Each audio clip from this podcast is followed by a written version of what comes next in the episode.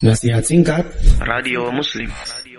Pertanyaan berikutnya, sekarang ini kan dihimbau pemerintah untuk di rumah aja, Ustaz. Ini ada pertanyaan, Bismillah, apakah iktikaf berlaku jika kita dihimbau untuk sholat di rumah?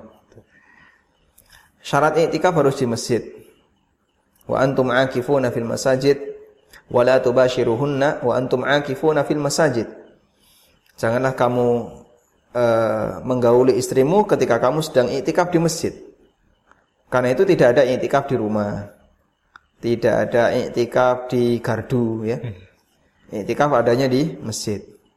Sehingga ketika pemerintah menyarankan untuk lockdown dan masjid-masjid ditutup, tidak ada aktivitas dalam rangka untuk menghindari potensi penularan wabah, maka Anda karena tidak mendapatkan izin iktikaf di masjid ya berarti tidak bisa iktikaf untuk tahun ini.